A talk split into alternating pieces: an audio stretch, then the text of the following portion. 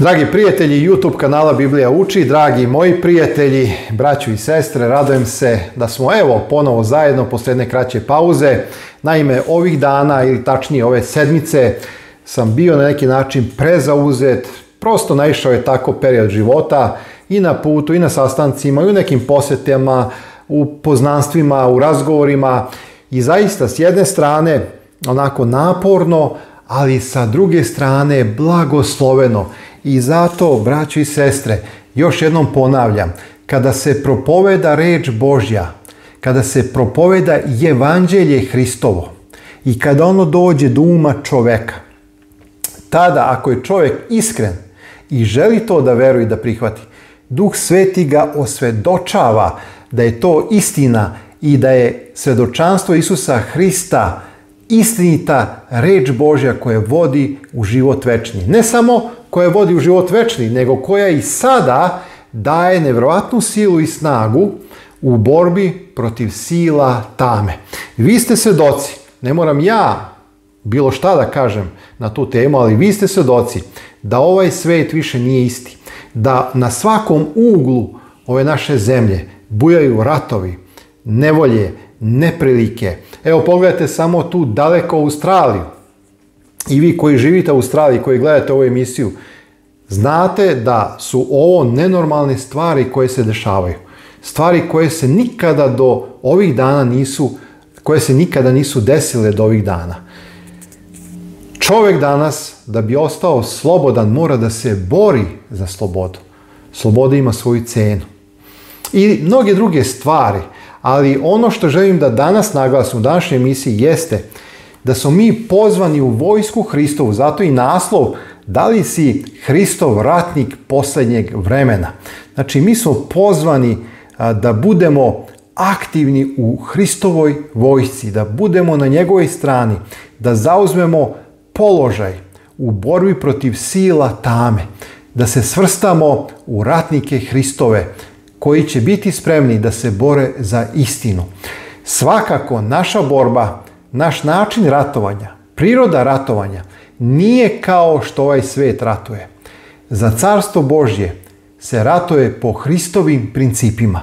Za carstvo Božje se ratuje po jedinim principima koji su Božji, a koji donose rezultate. Onako kako je Hristos ratovao, tako i mi. Suština je, dragi moji, da nema u ovoj borbi neutralnih. Ili smo Hristovi ratnici, ili smo, ne daj Bože, na strani onog drugog, na strani suparnika Bože koji se u Bibliji zove Sotona. Pre nego što krenemo sa ovom temom, ja sam, pošto je malo obimnija, stavio je na, na papir, stavio sam je onako da bude smislena, e, mnoge neke delove ću iščitavati, pratite, budite skocentrisani, vidjet ćete kako sam fino povezao neke biblijske tekstove, sa nekim mislima i intenzivirao istinu koja je već prisutna u Bibliji, ali verujem da je i kako potrebna za nas koji živimo danas u ovim posljednjim vremenima. Još jednom pre nego što krenemo, zahvaljujući Božoj blagodati koja dira vaša srca i vašoj podršci, braći i sestre, dragi prijatelji, YouTube kanal i dalje možete da kao besplatan primjerak u svojoj ruci imam novi srpski prevod, latinično izdanje i kao što već dobro znate i dalje a, prevod Karadži Daničić i čirilično i latinično izdanje. Biblije su besplatne zato što ste vi omogućili da budu besplatne za sve one ljude koji nemaju, koji bi želeli da imaju opipljivu Bibliju, da mogu da listaju. Znate, nema ništa lepše kada uveče sedneš u neki miran deo svoje kuće, sobe, upališ lampu, otvoriš stranice ove predivne knjige, uzmeš neke bojice, pomoliš se Bogu da ti pomogne Duhom Svetim da te osvedoči, da razumeš ono što čitaš i onda kreneš redom. I kada završiš sa čitanjem, pomoliš se Bogu da prihvatiš verom tu istinu i da je sprovedeš u svoj život. Zašto je ovo bitno? da ne budemo samo zaboravni slušači, nego tvorci reči. To je, dragi moji, razlika između nominalnih hrišćana i biblijskih hrišćana. Biblijski hrišćani, dragi moji prijatelji, biblijski hrišćani će živeti po reči Bože. Oni će koračati po uputstvima i savjetima koje su izašle iz usta našeg gospoda Isusa Hrista. I to je velika razlika. Biblijski hrišćani neće samo s polja ispunjavati neke forme, nego će gajiti neraskidivi odnos sa živim spasiteljem, našim gospodom Isusom Hristom, sa kojim danas možeš da pričaš, kao što pričaš sa nekim svojim prijateljem, mi ne vidimo fizičkim očima našeg Hrista, ali mi ga verom vidimo i mi komuniciramo, komuniciramo s njim kroz molitvu. Evo dragi moji, sve ostale knjige možete vidjeti na kraju svake emisije, sve je besplatno. YouTube kanal Biblije Uči se potrudio da može da deli reč Božju besplatno. Zabadava ste dobili, zabadava dajte, to je princip. E sada, hajde, pošto je tema, hajde da ne, ne nagla, prenaglasim, svaka tema je bitna u Bibliji, ali ovo je jako bitna po meni. Mene je ova tema ohrabrila. Ona je u mojim mislima godinama, ali evo, odlučio sam da te neke glavne misli podelim sa vama. Ja sebe doživljam kao Hristovog ratnika. I ovo što radim jeste jedna velika borba. Ove reči koje izgovaram, reči Bože koje prenosim, razbijaju tamu. To je možda mali neki doprinos, ali što više propovednika evanđelja, to više svetlosti i manje tame. Zato hajde, da se udružimo. Ne možete možda svi raditi ovo što ja radim, ali možete dati doprinos. ako se niste pretplatili u smislu da ste pritisnuli ono subscribe ili prati, pritisnite, onda imate zvonce. Ako pritisnete ono gornje zvonce, dobit ćete sve informacije kada dođe nova emisija, novi videoklip i tako dalje. Ako podelite na 10 ljudi ove emisije, vi učestvujete u toj velikoj borbi. A i ove knjige i ove Biblije koje deli vama i vi koji dobijate, nešto ćete pročitati, nešto ćete pokloniti. Tako da evo, svi na neki način učestvujemo u toj velikoj borbi gdje smo odlučili da stanemo na Hristovu stranu i da budemo ratnici Hristovi, ratnici za Hrista i za istinu. Hajde, poslušajte ono što sam spremio za vas. Neka vas, dragi gospod, ohrabri, ja bi se samo kratko pomolio. Oče naš nebeski, koji si u prestojnoj dvorani svoga carstva na nebu, ali i Duhom Svetim prisutan danas sa nama, ja te molim da otvoriš naše misli i srca, da možemo spoznati istinu Tvoju, da se možemo oduševiti, da se možemo ohrabriti. Neka reč Tvoja bude melem za našu umornu dušu, neka nas ona krepi i čuva od svakoga zla. Za svaki blagoslov, za zdravlje koje imamo, za želju da te proslavimo, za hranu koju jedemo, za odeću i obuću koju imamo na sebi. Hvala ti, gospodi Bože naš, u Hristovo ime. Amin. Idemo, braći i sestre. Znači, rat se vodi iza zatvorenih vrata. Posljedice toga rata ogledaju se u nasilju, u zlostavljanju svih vrsta, pijanstvu, besu, prevaram, koliko je samo danas žena koje pate u brakovima ili muškaraca ili dece, koliko često, da kažem, čujem tako kada šetam ulicama kroz prozor, viku, galamu, kažem, zaista ovo bi bilo posljednje mjesto gdje bi volio da budem, da moram da budem u jednoj takvoj porodici. Gradite harmoniju. Ako imate problema sa nekim nevernikom u vašoj porodici, Molite se Bogu za strpljenje, molite se Bogu za mudrost, molite se Bogu za njega ili za nju da se obrati ako je neko ateist i tako dalje. Znači evo, to sve radi, zašto ovo pričam? Pa to sve radi, dragi moji, Hristov ratnik. Znači, u razvrtu, pokidanim odnosima, bezosećajnostima i tako dalje. Znači, bitka je stvarna, stvarna, u njoj učestvuju svi. Ma gdje da baciš e, svoj fizički pogled u ome svetu? Besni smrtonosni rat. I sada, ono što je definitivno istina, ako živiš uz granice Božeg carstva, drugim rečima, ako želiš da budeš blizu Hrista, da se distanciraš od tame ovoga sveta, rat ćeš doživjeti još žešće. Taj rat može i da te smete. Ako takvu opaku bitku doživljavaš u sobstvenom životu, razmisli o sljedećim rečima e, Božjim. Luka 12.32 Isus kaže Ne boj se malo stado, jer bi volja vašega oca da vam da carstvo. Malo stado, ne boj se. A onda od vremena Jovana Krstitelja do sada carstvo nebesko na silu se uzima i sileđije ga dobijaju. Kako sad ovo da razumemo u Mateju 11.12? Kao da je ovdje neki paradoks. Čemu? Prividna protivrečnost. Bog želi da ti da carstvo, ali carstvo treba uzeti na nasilan način, treba ga zgrabiti. Drugim rečima Isus je rekao, ja sam ti dete moje obezbedio carstvo, ja sam učinio sve da budeš spasen. E, ne možeš ti to uraditi svojim delima. Blagodaću ste spaseni kroz veru, kaže apostol Pavle, to nije od vas, dar je Boži, ne od dela, da se niko ne pohvali. Ali mi u toj e, priči nismo pasivni. Isus kaže, zgrabi ga, sileđije će naslediti carstvo Božje, kaže u Mateju 11.12. Šta to znači? Pa to znači da pokažemo Bogu da mi želimo, da mi želimo da uhvatimo to carstvo, da mi želimo da se borimo za to carstvo. Zašto se borimo? Pa zato što između tog carstva, Hrista, tog carstva i nas, stoji đavo. Mi smo još na ovoj zemlji.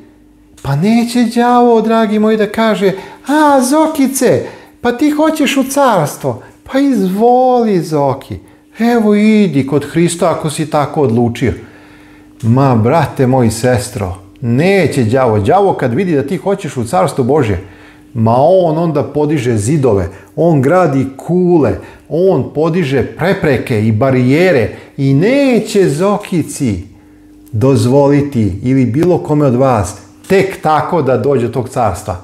Treba da curi znoj, treba da se boriš, treba da se moliš, treba da ideš iz dana u dan i da rušiš te prepreke. Ali ne treba to da nas brine. Zašto? Zato što je Hristo sa nama. A kad je Isus Hristo sa nama, onda nema problema. Evo jedna priča. Pa ćemo nastaviti dalje. Znači, u jednom gradu tamo, to jest u jednoj provinciji u Njorku, mislim da je, da je, da je Queens ili ne znam tačno kako se zvala ta provincija, gdje je bilo mnogo nasilnika, jedan dečak je svaki dan trebalo da ide u školu kao i svaki drugi dečak, međutim svaki dan je on trebao da prođe kroz neke ulice gde su određene bande, hipici, jupici, ovi, oni, narkomani, sileđi i tako dalje, koji su malo malo činili neko nasilje, krali, uzimali patike, novac, prosto bili nasilni. I ovaj mladić, ovaj mladi dečko je bio svaki dan u strahu. A onda jednog dana sa prozora je posmatrao na klupi kako sedi tank. Ne neki tank e, kao mašina ratna, nego jedan mladić, dečak koji se zvao tank zato što bio ogroman, zato što bio jak, zato što niko nije smeo s njim da se kači. A onda ovaj dečak na prozor razmišljao pa ako bi se ja nekako sprijateljio sa ovim tenkom, onda ni mene niko ne bi dirao. Mogao bi bez straha da svaki dan idem do škole da se vraćam. I on je viknuo sa prozora i kaže, hej Tenk, kako si? A ovo je rekao, dobro. Da li mogu da dođe na tebe nešto ti kažem? Ovaj Tenk kaže, u redu, dođi. I onda je ovaj dečak sišao, ovaj, mada je i krenuo u isto vrijeme u školu, sišao je dole, došao je do Tenka i rekao je koji ima problem, rekao je da bi želeo da provodi vrijeme sa Tenkom, rekao je da bi ga često i počastio, da bi mu želeo da bude prijatelj i tako dalje. A je rekao, ma prijatelju moj, nema problema, idemo ja i ti svaki dan zajedno u školu i nemaš čega da se bojiš. I zaista, kaže ovaj dečak koji je sada već jedan stariji gospodin, kaže, od toga dana više se nisam bojao jer je sa mnom bio tank.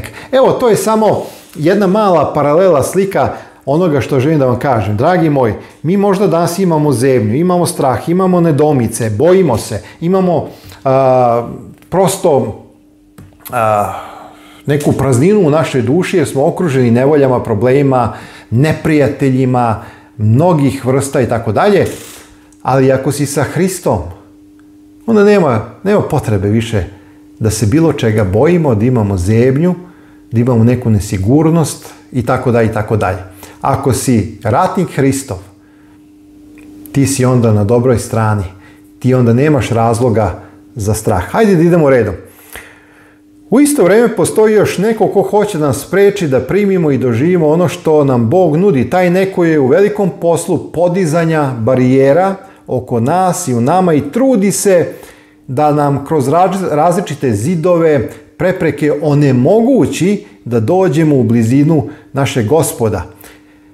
Ono što je zanimljivo, te zidove moramo napasti, moramo ih napasti snažno, sa svom raspoloživom duhovnom silom, sa svim moćnim izvorima koji su nam dostupni. I sada bih želeo, ovdje sam podvukao da zapazimo posebno ove misli.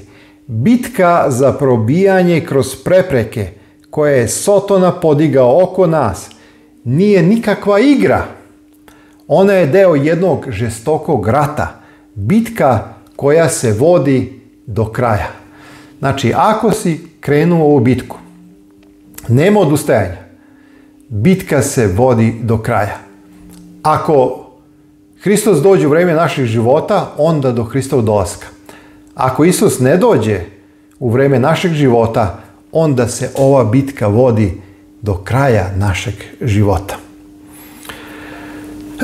Suparnik o kojem se govori u 1. Petrovi 5.8 je neprijatelj s kojim se sukobljavamo. Tamo kaže, a suparnik đavo riče kao lav i traži koga da proždre. Znači, vidite, on traži, on ne izaće ponekad da nađe nekoga, on non stop traži nekoga da proždre.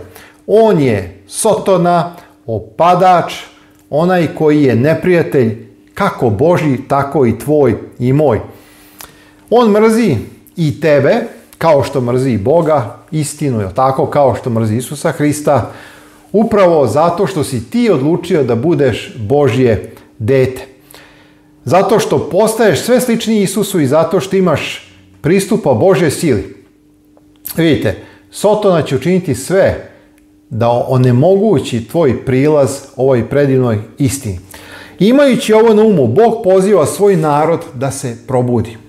I zato sećate se onih mojih davnih emisija Posljednja poruka čovečanstvu koju nose tri anđela posred neba, pa smo onda obradili prvu poruku, poruku prvog anđela, pa poruku drugog anđela, pa poruku trećeg anđela. To je posljednja poruka čovečanstvu pred Hristov drugi dolazak, otkrivenje 14. poglavlje. Ako odete e, na playlistu posljednje vremena, pronađite ove emisije, ako niste, odgledajte topla preporuka i zaista snažna poruka iz reči Bože U ovom poznom času istorije sa neprijateljem se moramo suočiti silom vere. Vera je ta koja je pobedila ovaj svet. Moramo ga podsjetiti na činjenicu da je on već pobeđeni neprijatelj. Pobedio ga je Isus na Golgoti prilikom vaskrsenja. Dragi moji, Sotona je pobeđeni neprijatelj. To se desilo pre 2000 godina. Pobeda je u Hristu. Ako želiš biti pobednik, moraš imati Hrista. Vrlo jednostavno. Ali hajde da to ilustrujemo kroz jedan stvarni događaj koji se desio davne, 1944. godine, 6. juna. Verujem da vam je poznato da tokom drugog svjetskog rata saveznici su izvršili invaziju na obale Normandije u Francuskoj. Ta invazija je poznata kao Dan D. Tadašnja bitka bila je početak kraja rata. U praktičnom smislu, u praktičnom smislu, rat je već bio završen.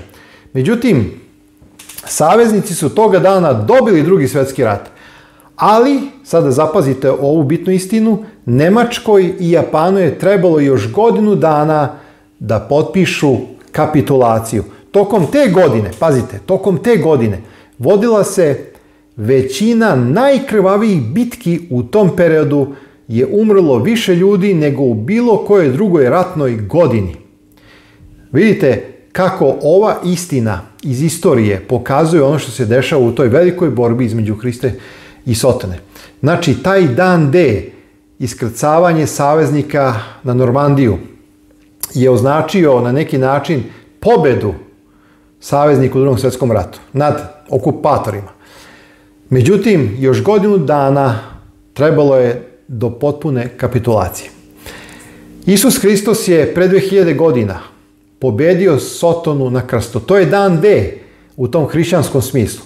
Ali evo, još ovaj period je potrebno vreme do konačne kapitulacije. A to je trenutak kada će se Isus Hristos vratiti na oblacima slave. Neprijateljske snage znale su da im je preostalo samo malo vremena i da će morati, ukoliko hoće da izvuku bilo šta, delovati brzo i odlučno. Zato Biblija kaže, đavo se razgnjevio i riče kao lav, znajući da vremena malo ima.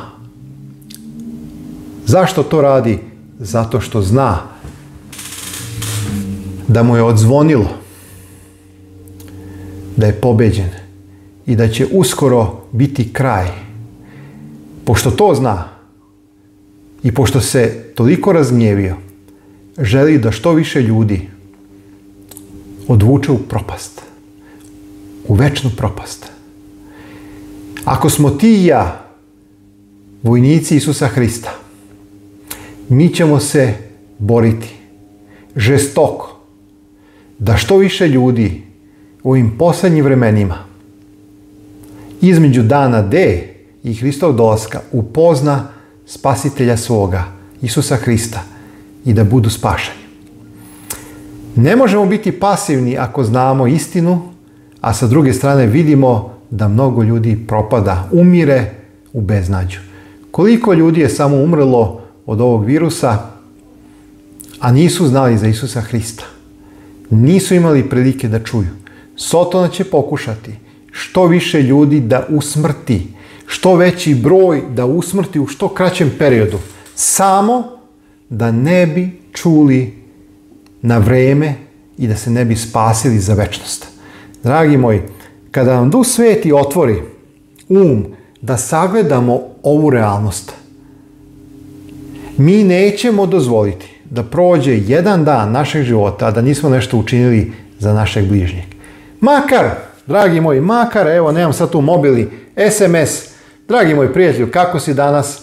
Eto, samo da te motivišem, možda nije loše da uzmeš da malo čitaš o Isusu Hristu iz Biblije i tako dalje, ili bilo kakvu poruku, bilo šta učinite, dajte svoj doprinos, podelite ove emisije, podelite neke knjige, ali je bitno ako ništa drugo na kraju, molite se.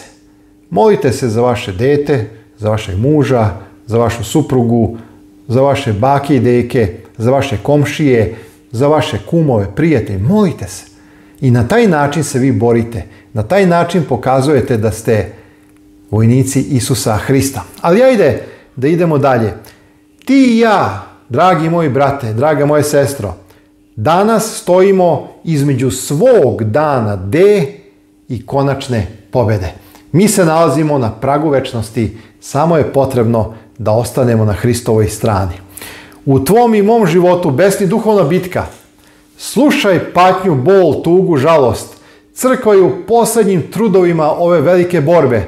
To je rat koji nije započeo Bog, nego Sotona, ali ipak Bog je odlučan da ga okonča i odluči njegov ishod, ne samo za sada, nego i za celu i nego i za celu večnost. Jednu činjenicu moraš imati pred očima, jednu veliku istinu, a to je da Sotona nije samo neki suparnik, on je tvoj suparnik. On nije samo neki neprijatelj, on je tvoj lični neprijatelj. On nije samo lažljivac i lupež, nego neko čija laž pogađa i tebe lično. Neko ko pokušava da uništi tvoj život, tebe. Hajde da vidimo nekoliko dobrih savjeta. Koja je to tajna pobjede koje nam Biblija preporučuje?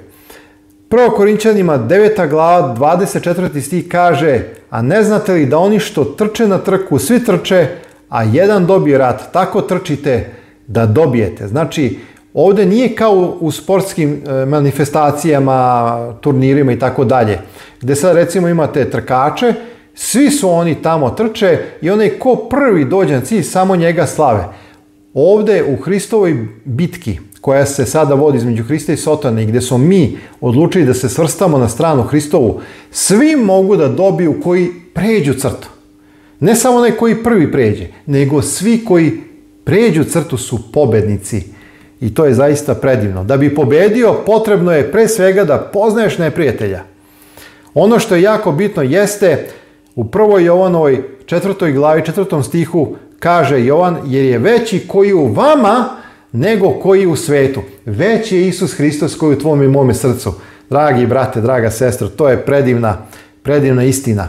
Od kad sam ja postao član Isusovog tima, postao sam i pobednik. Od kad si ti postao član Isusovog tima u toj velikoj borbi, njegov ratnik, postao si pobednik.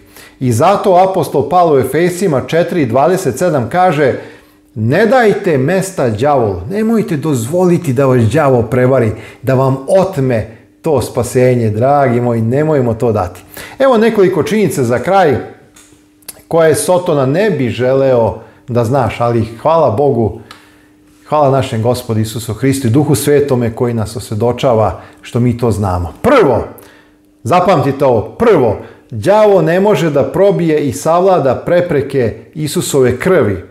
Molitva primenjuje Isusovu krv na naš život. Ta krv ima za nas isto dejstvo koje je krv žrtvenog jagnjeta imala za Izrael noć uoči izlaska iz Egipta prilikom prve paske. Druga Mojsijeva 12. glava 23. stih kaže jer će zaći gospod da bije misir pa kada vidi krv na gornjem pragu i na oba dobratka proći će gospod mimo ona vrata i neće dati krvniku da uđe u kuće vaše da ubija. Dragi moj, krv jagnjeta, krv Isusa Hrista na dovratnicima držala je neprijatelja smrt na distanci kako nekada tako simbolično nekada Hristova, je tako jagnje, ali Hristova simbolično, ali danas Hristova krv ima isto dejstvo na Sotonu. Zato kada se moliš, verom prihvataš zasluge Hristove krvi, onda onaj koji seje smrt i razdor nema moći nad tobom. Nema. Drugo, đavo ne može da probi oružje Božje. Obucite se u sve oružje Božje, da biste se mogli održati protiv lukavstva djevolskoga. Efescima 6. glava 10 do 11. Ne ostavljaj, dragi moj, brate, draga moja sestro, dom kad izlaziš iz kuće. Znači, ne ostavljaj dom bez oklopa. Ne razgovaraj bez oružja Božjeg, bez oklopa. Ne radi ovo ili ono bez oklopa, jer će zle strele nečastivog brzo pronaći ranjivo mesto tvoga srca i pokušati da te unište. Treće, đavo ne može da čita tvoje misli. Bog je ne samo sve prisutan, nego i svemoćan. Međutim, on je jedino sveznajući. Đavo ne može da čita tvoje misli, on je ograničen. Jeste moćan, ali njegove moći su ograničene i uveliko manje od Hristovih moći. Zbog toga nemoj prestajati da hvališ Boga svojim ustima, pa će tvoje hvaljenje Boga biti kao okov, okovi, lanci za Sotonu. Smatram da je ovo značenje teksta Jevrejima 13.15 gdje stoji da svakda prinosimo Bogu žrtvu hvale, to je plod usana koje priznaju ime njegovo. Ratnici molitve uče da izgovaraju reči hvale Bogu za ono što je Bog učinio za njih. I samo da vas podsjetim da je Jovan Stari prorok na Patmosu bio jednom prilikom uzdignut u viziji, jel tako, toj veličanstvenoj viziji u kojoj je sagledao završni sukob u svim njegovim djevolskim fazama. Tada je ohrabrio borbenu crku da izvoje pobedu. I oni ga, misleći na Sotonu, pobediše krvlju jagnjetovom i u svjedočanstva svojega i ne mariše za život svoj do same smrti. Otkrivenje 12.11. Zato na kraju možemo reći pobjeda nad Sotonom se postiže na tri načina. Krvlju jagnjeta, znači krvlju Isusa Hrista, svedočanstvom koje imamo i ne povlači se čak iako je došla pretnja smrću.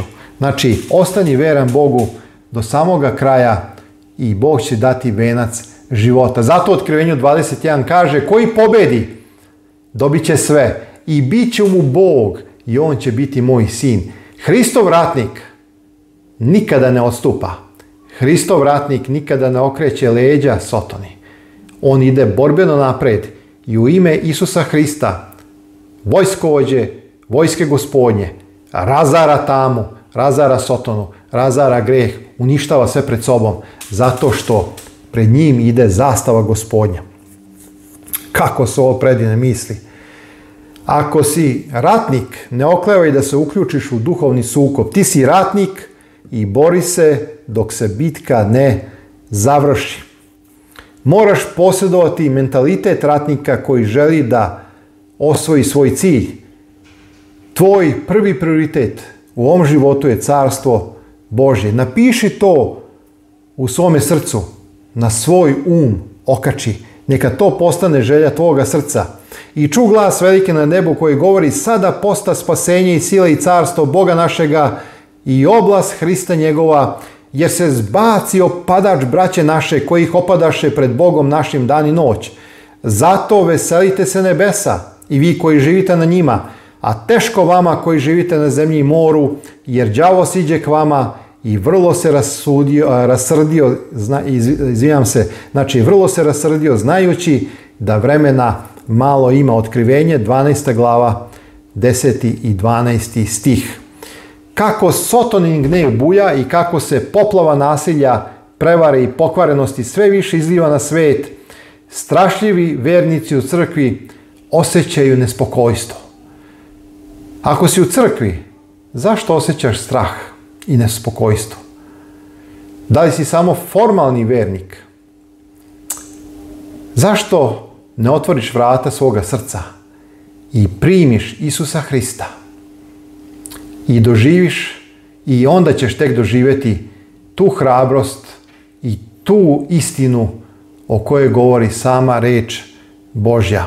Jer će neprijatelj navaliti kao reka, a duh će gospodnji podginuti zastavu nasuprot njemu. Zastava, ovo je Isaija 59. glava 19. stih. Zastava o kojoj govori Isaija odnosi se na ratnu zastavu, a ratna zastava uvijek išla napred.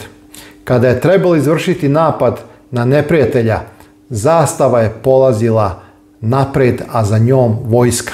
U ratu koji je pred nama sveti duh drži zastavu i pokazuje nam kojim putem se kreće vojvoda vojske gospodnje koji jaše u konačnu pobedu. Ti i ja smo pozvani da pratimo vojvodu vojske gospodnje, naše gospoda Isusa Hrista. Zašto ova emisija, dragi moji? Želim da ti budeš pripadnik te vojske. Ako nismo pripadnici te vojske, mi smo promašili smisao naših života. Mi smo već pobeđeni. Mi smo već tamo negde, nažalost, na onoj drugoj strani, koja je osuđena propast i za koje je rečeno da dolazi dan koji gori kao peć, Malahija, četvrto poglavlje, sećite se toga. Evo, ja bih ovdje stao, ovo su zaista prebogate misli, ja sam se trudio da ne bude ni previše dugačko, da nekih evo pola sata gledam, bit će ova emisija, ali evo dovoljno materijala da se ohrabrimo, da shvatimo ko smo ti ja onog trenutka kada smo prihvatili Hrista. Ti i ja smo Hristovi ratnici. Ratnici za carstvo Božje koji ratuju po principima Hristovi, a ne po principima ovoga sveta. Dragi moji brate, draga moja sestro, prijatelju moj, vidimo se uskoro u nekoj od naših narednih emisija. Svako dobro!